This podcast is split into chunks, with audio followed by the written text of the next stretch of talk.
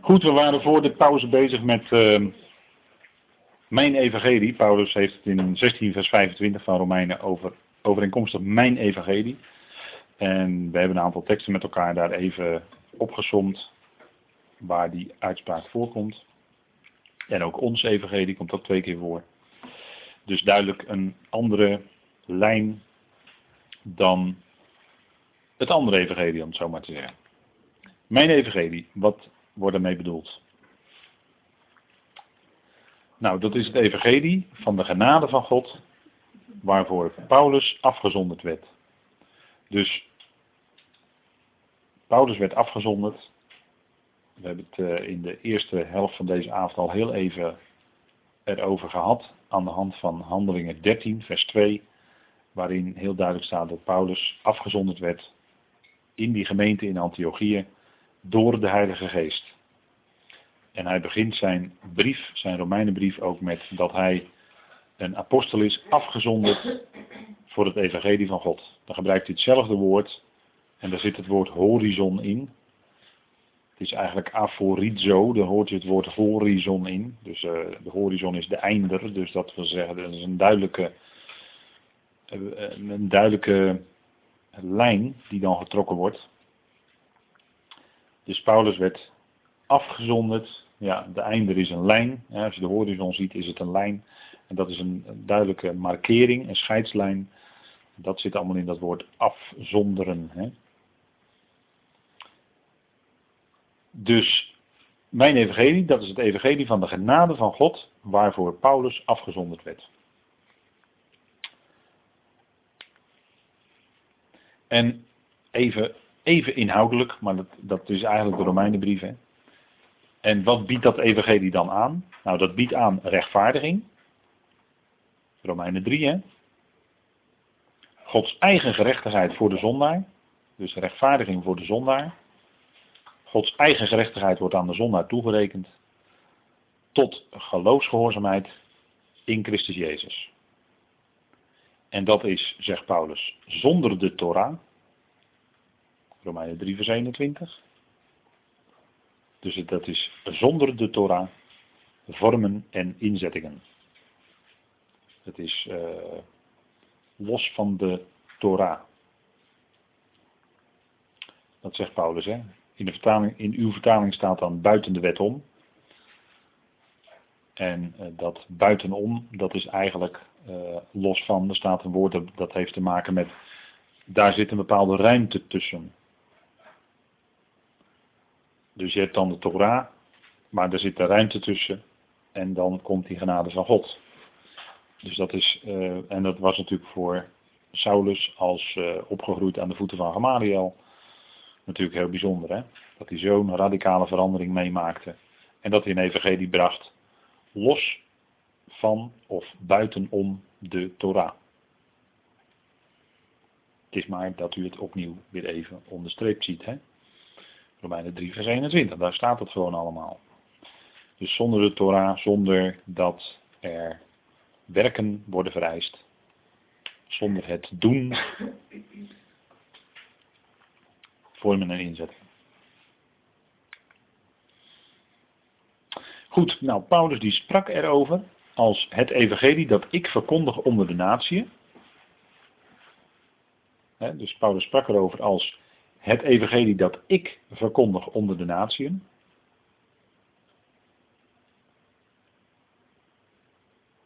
En hij spreekt erover als mijn evangelie dus. Hè?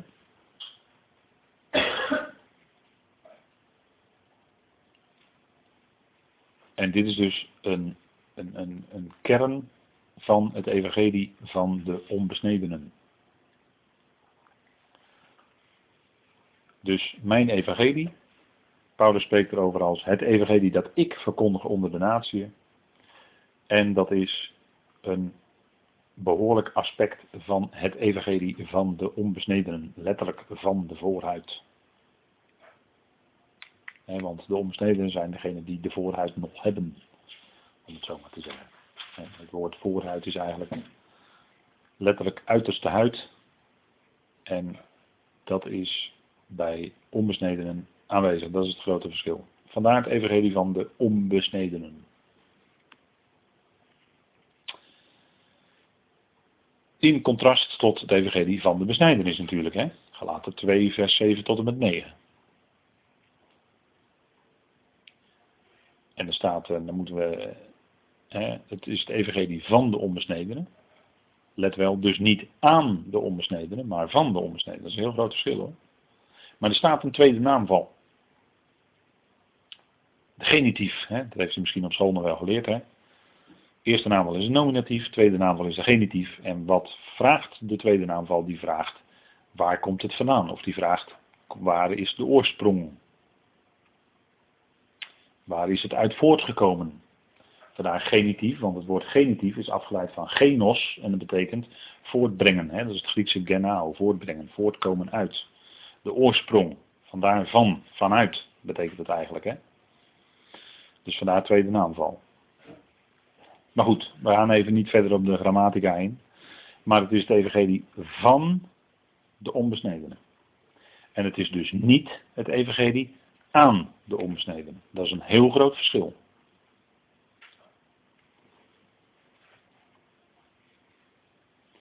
En uh, als er dan mensen zijn die zeggen, ja, maar er is toch maar één evangelie, dan uh, zou ik zeggen, nou, ga, ga die uitspraak eens even toetsen aan de schrift. Ik kan u er zo vijf of zes noemen. Vijf of zes evangelieën. Kan ik zo achter elkaar noemen. Uit de schrift. Die allemaal van elkaar verschillen. Dus je moet zo'n uitspraak wel toetsen aan de schrift. Hè. Iemand roept dat dan wel. Heel makkelijk. Maar toets het maar aan de schrift. Dat, dat is onze taak. Hè. Overeenkomstig. En mijn evangelie is overeenkomstig de onthulling van het geheimenis dat in de tijden van de eonen verzwegen was. En als je zo'n tekst leest, dan denk je in eerste instantie, oeh, wat een moeilijke tekst, zeg. wat zegt hij allemaal? In tweede instantie moet je zeggen, ja, maar wacht even, wat is nou dat geheimenis waar hij het over heeft? Want als je deze zin gaat ontleden, gaat het om het geheimenis. Dat, dat, is, dat is precies waar het om draait. Hè? En goed dat het onthuld was, wordt en dat het verzwegen was. Oké, dat zijn allemaal bijvoeglijke bepalingen bij dat woord geheimenis eigenlijk. Hè? Maar het gaat om het geheimenis. Nou, wat is nou het geheimenis wat hij hier bedoelt? Waar heeft Paulus het dan? Waar doelt hij dan op? Hè? Als je het hebt over de Romeinenbrief. Ja, dat staat eronder, hè? dus de verzoening. Ik heb, het al, ik heb het al verklapt. Ik heb het al verklapt. Het is de verzoening. Ja, dat is dat geheimenis. Hè? Dat is dat geheimenis waar hij het hier over heeft. Wat in de tijden van de Eonen verzwegen was. Dat God hè, dat die, die verzoening door de dood van de zoon, nou, dat was nergens bekendgemaakt in de schrift. Nergens in Tenach was dat bekend.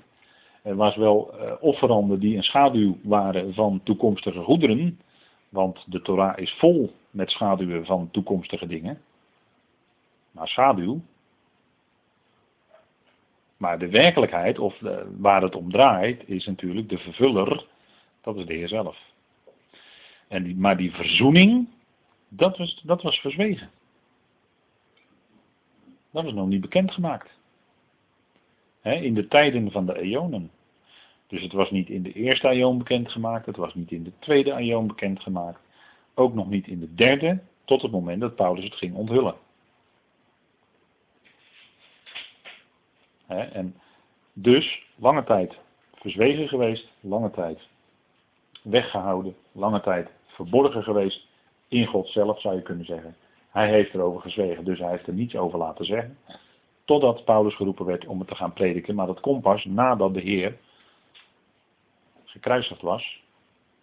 En, en vooral ook opgestaan was uit de dood. Dat is heel belangrijk hoor, want anders heb je niks. Als je niet gelooft in de opstanding heb je niks. Toch? Nee, dan heb je niks. Paulus zegt, dan zijn zelfs zij die in Christus gestorven zijn, verloren. Dan zijn we nog in onze zonde, zegt hij. Dan heb je niks. Maar je hebt een opgewekte Christus. En dan heb je alles. En de verzoening, dus dat is door de dood van de zoon heen. Want door betekent eigenlijk doorheen de dood van de zoon. Dus dat is door de dood heen. En dan ben je wel terecht echt in de opstanding hoor, wel met de open graf. De verzoening. De mens. God was in Christus de wereld met zichzelf verzoenend. 2 Korinthe 5. Daar wordt het bekendgemaakt. Romeinen 5 wordt bekendgemaakt. De verzoening. Door de dood van de zoon heen. wij zijn met God verzoend door de dood van zijn zoon, staat er. Romeinen 5, vers 10. En dat is dit geheimenis. Dat is het geheimenis van het evangelie. Kijk, het evangelie van God, rechtvaardiging of gerechtigheid door geloof, dat was natuurlijk aan Abraham ook wel bekendgemaakt. Dus dat was op zich niet onbekend. Maar de verzoening, dat was nog onbekend. En we zitten met hopeloze verwarring, doordat in het Oude Testament, in onze vertalingen, vaak het woord verzoening wordt gebruikt, maar dat is niet verzoening, dat is bescherming. Dat is kafar. Dat is alleen bescherming. En dat is tijdelijk. Maar verzoening is definitief. Verzoening is namelijk een verandering. Een wezenlijke verandering bij degene die verzoend is. Want in dat woord verzoening zit, zit het woord veranderen. Hè? Alasso. Dat betekent veranderen in het Grieks. En dat is natuurlijk van bovenaf gekomen. Door de dood van de zoon. Dus, kat alasso, hè? kat betekent naar beneden. Dat wil zeggen, die, die verzoening is van boven gekomen naar beneden en verzoende de mens. Met God. 2 Korinthe 5, hè? God was in Christus de wereld met zich verzoenend. Door hun, hun krenkingen niet aan te rekenen. En Romeinen 5, die boodschap, dat is het geheimnis dat in de tijden van de Eonen verzwegen was. En dat heeft Paulus dan bekend mogen maken in uh, de Korinthebrief en uh, de Romeinenbrief.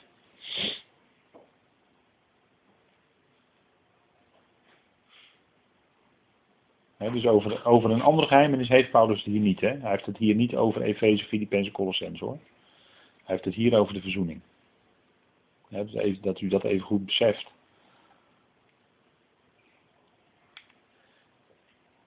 En dan zegt hij maar dat nu geopenbaard is. Dus dat was verzwegen, maar dat is nu geopenbaard of onthuld.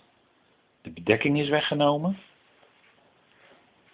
Het is, eigenlijk is het letterlijk vanaf dekken. Dus je, je, je neemt de bedekking weg. Je onthult iets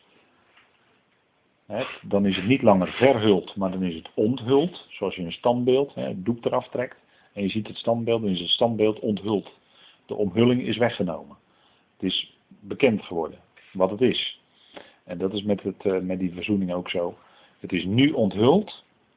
En door profetische schriften overeenkomstig het bevel van de Ionische God tot geloofsgehoorzaamheid onder alle naties bekendgemaakt. Nou, u ziet hier een fragment van uh, hoe er in die tijd geschreven werd. Hè?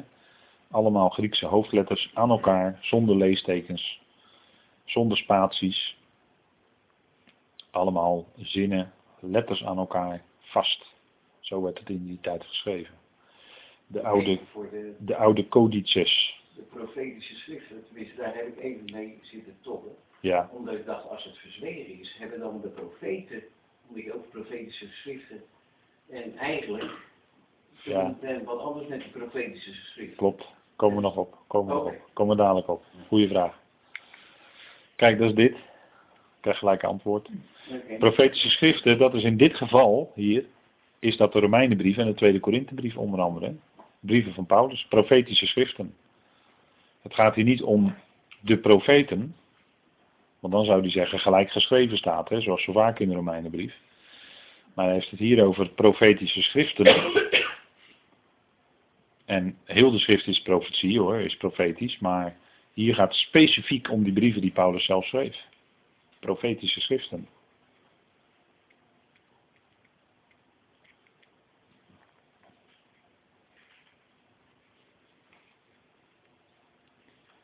Dat is in deze zin, hè, vers 26, en door profetische schriften geopenbaard.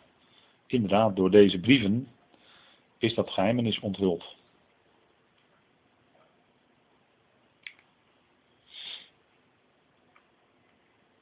Dus als we specifiek hebben over de verzoening, dan kun je zeggen Romeinenbrief, Tweede Korinthebrief. Daar wordt die verzoening bekendgemaakt. Even een plaatje uit de natuur tussendoor. Mooie waterval.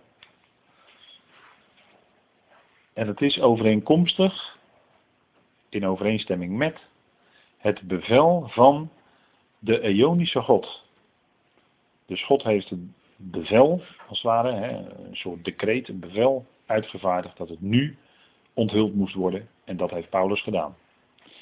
En de Eonische God, zegt Paulus dan.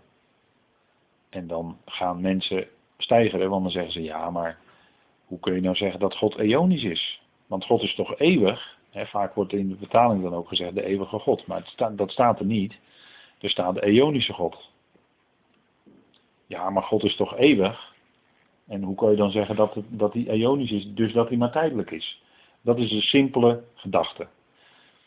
Ehm, die voor de hand ligt om die vraag te stellen.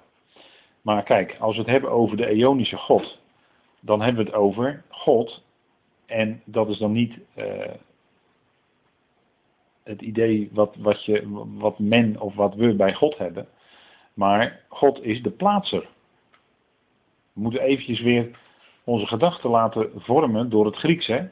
Theos betekent plaatser.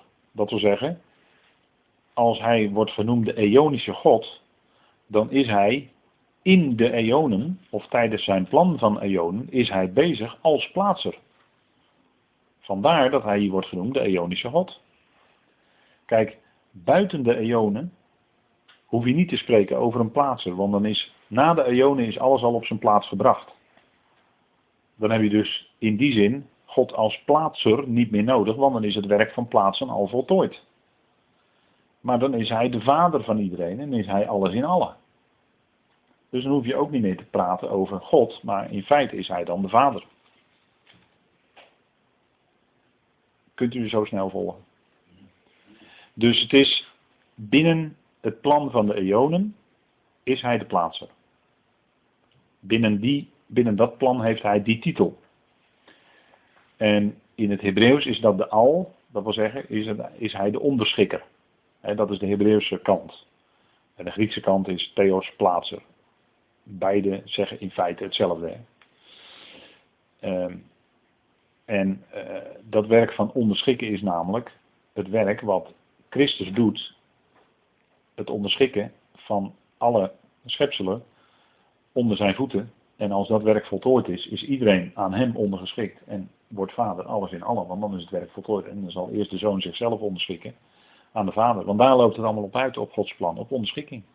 Dat iedereen zich volledig van binnenuit onderschikt aan God. En dan is iedereen volledig van binnenuit ondergeschikt aan God. En dan heb je geen plaatsen meer nodig. Want dan is iedereen van binnenuit al op de juiste plaats. En dan houdt hij die plaats ook. Begrijpt u? Kijk, en zo zit dat met de Ionische God. Maar dat is natuurlijk iets waar je dan even over moet nadenken. Even laten bezinken. Oké, plan der eonen. De eonische God.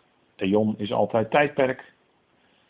Eon is niet eeuwig. En, en buiten, de, buiten de eonen hoef je ook niet te praten over eeuwig. Want dat is een filosofisch begrip eigenlijk. Dat kunnen wij helemaal niet begrijpen. Maar dan is er geen sprake meer in die zin van tijd. Zoals wij dat kennen. Dan zijn we beperkt door tijd. Door eonen. Doordat iets duurt. Wij kunnen alleen maar denken in het duurt van zo tot zo. Maar buiten de eonen valt het allemaal weg. God staat ook in die zin buiten de tijd. God heeft de tijd geschapen. Dus dan hoeven we niet. Hè, hij staat boven, of moet ik het zeggen, boven de tijd, buiten de tijd. Uh, tijdsaspect speelt helemaal geen rol. Dus je hoeft ook niet te zeggen dat God eeuwig is. Want dat, ja, God is per definitie eeuwig natuurlijk. Dus dat hoef je ook niet te zeggen. Maar als je iets, zo'n uitspraak, de Eonische God, hij is ook de koning der Eonen, zegt Paulus in, eh, in Timotheus 1. De koning der Eonen, dat wil zeggen, hij overstijgt, hij overheerst de Eonen. Ook zo'n punt, hè. Nou, dus de Eonische God is degene die alles zijn plaats geeft binnen de Eonen. En daar kunnen we alleen maar blij om zijn. Ja. Heeft, uh, heeft, u een vraag? Ja. Nou, stelt u de vraag. Kat Alasso, ja. dat ging te snel voor mij. En dat zou ik graag nog even... Ja, katalasso. Ja, dat Ja. gaat echt te snel. Goed, het woord verzoenen, zoals we dat kennen, betekent eigenlijk veranderen. Dus er komt een verandering. Wat is verzoening? Verzoening is een verandering in de mens, of in het schepsel, of aan de mens, of aan het schepsel, hoe je het zeggen wil. Maar er is een verandering die van bovenaf komt, namelijk vanuit God. En die de mens dus van binnen verandert, waardoor die mens in relatie komt met God. God was in Christus de wereld met zich verzoenende. En Paulus zegt in Romeinen 5, wij zijn met God verzoend door de dood van de zoon. Dat we zeggen, er is vrede. Voorheen was de vijandschap en nu is de vrede. En dat is die enorme verandering die God in de mens tot stand brengt, teweeg brengt, uiteraard door zijn geest.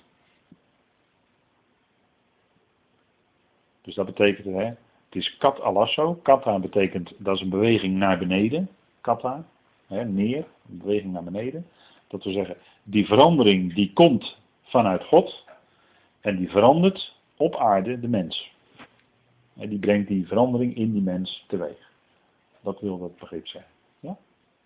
Duidelijker? Oké. Goed, dan gaan we, gaan we verder. Kijk, want in, dit, dit heb ik in feite al gezegd. In Gods plan van eonen, en we kunnen er in de schriften vijf onderscheiden. Ik weet best wel dat je hier natuurlijk ook weer over kan discussiëren enzovoort. Ja, ja, ja. Maar als je gaat kijken, dan kun je toch duidelijk vijf tijden onderscheiden in de schrift.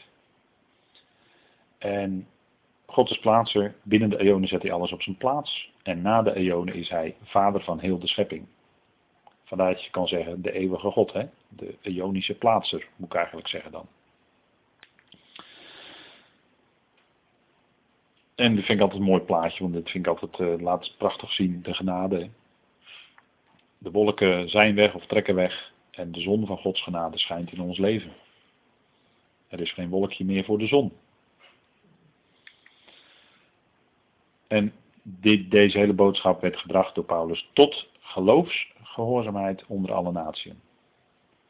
In de oude situatie was het bij Israël, zij moesten de Torah doen en dat was de gehoorzaamheid van de Torah, om het zo maar te zeggen. In de nieuwe situatie, bij het evangelie van Paulus is het zo, is het gehoorzaamheid die ontspringt aan het geloof. En dat is een heel, heel diepgaand verschil. Hoor. Het is geloofsgehoorzaamheid. Dus het geloof in je hart werkt uit dat je van binnen wil horen, dat je van binnen wil luisteren, dat je van binnen het uit God wil dienen, hoe je het zeggen wil. En Hem als Heer wil erkennen in je leven. Hoe je dat ook maar onder bewoordingen wil brengen. Maar dit denk ik even heel kernachtig. Dan is het niet meer dat jij het moet doen. Nee, dan is het van binnenuit. Is het geloof waardoor liefde werkt. Geloof waardoor zijn geest werkt. En zo op die manier werkt God dat uit in ons leven. En dan klinkt het prachtige slotakkoord, de lofprijzing. De alleenwijze God door Christus Jezus is de heerlijkheid tot in de eonen van de eonen. God is de alleenwijze God. Er is maar één God die ware wijsheid voortbrengt. Er is bij één God bij wie je al de wijsheid uh, kunt, kunt uh, vinden. Er is maar één God die alle ware wijsheid voortbrengt. Dat is de God, de Vader van onze Heer Jezus Christus. Hij is de bron van alle wijsheid. De wijsheid komt dan ook van boven, net zoals die waterval hier op het plaatje, komt van boven naar beneden. Het komt vanuit God naar de mens toe. De alleen wijze God, die wordt nergens zo in, in zijn volle wijsheid zichtbaar als in het evangelie wat Paulus mocht brengen. De diepte van wijsheid, hè, Romeinen 11, vers 33 tot en met 36. O diepte van rijkdom. En dan zegt Paulus, zowel van de wijsheid als van de kennis van God. Nou, die diepte aan wijsheid, die komt dus in het evangelie wat Paulus bracht naar voren. En die, die met een diepte die nergens anders zo naar voren komt. Want bij Paulus komen de uiterste oorsprong van alles komt naar voren. En ook het uiterste einddoel van God. En de manier waarop hij tot het einddoel komt. En daar is veel wijsheid voor nodig. Een enorme diepe wijsheid. Nou, die wijsheid kan alleen maar van God komen en van God zijn. Om het zo te doen. Nou, die alleen wijze God, hè. dat, is, dat is de enige ware God. Er staat ook monon, hè, daar hebben we ons woord monotheïsme vandaan. Nou, dat is ook zo. Er is maar één God. Dat is de God en Vader van onze Heer Jezus Christus. En dat is dezelfde als de God van Israël. Dat is die ene God, hè.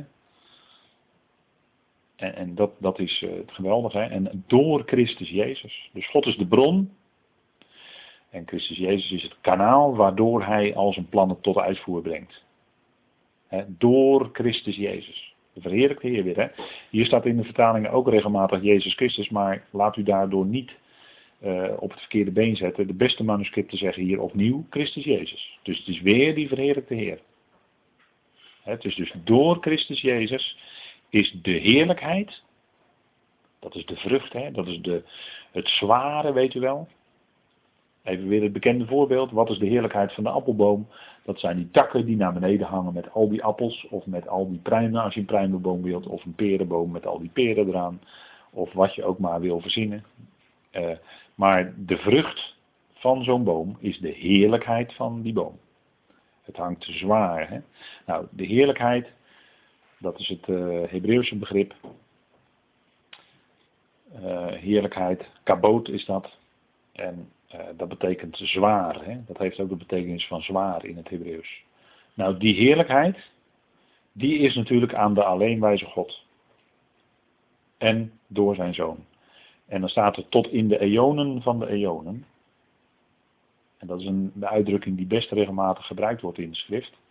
En de vertalers wisten daar totaal geen raad mee, want die vertaalden dan tot in de eeuwigheden van de eeuwigheden, of tot in alle eeuwigheid, of tot in de eeuwigheden, of die hebben er een ratje toe van gemaakt. Maar hier staat gewoon tot in de eonen van de eonen. Kijk, dat is het voordeel van de concordante methode, waarvoor God broeder nog heeft gebruikt, om die op tafel te leggen. Dan moet je dus heel nauwgezet elk woord gaan vertalen zoals het er staat. En dan kom je juist met het begrip aion en het begrip olam in het Hebreeuws, kom je goed uit. Anders kom je er nooit uit. Je merkt het aan de vertalingen.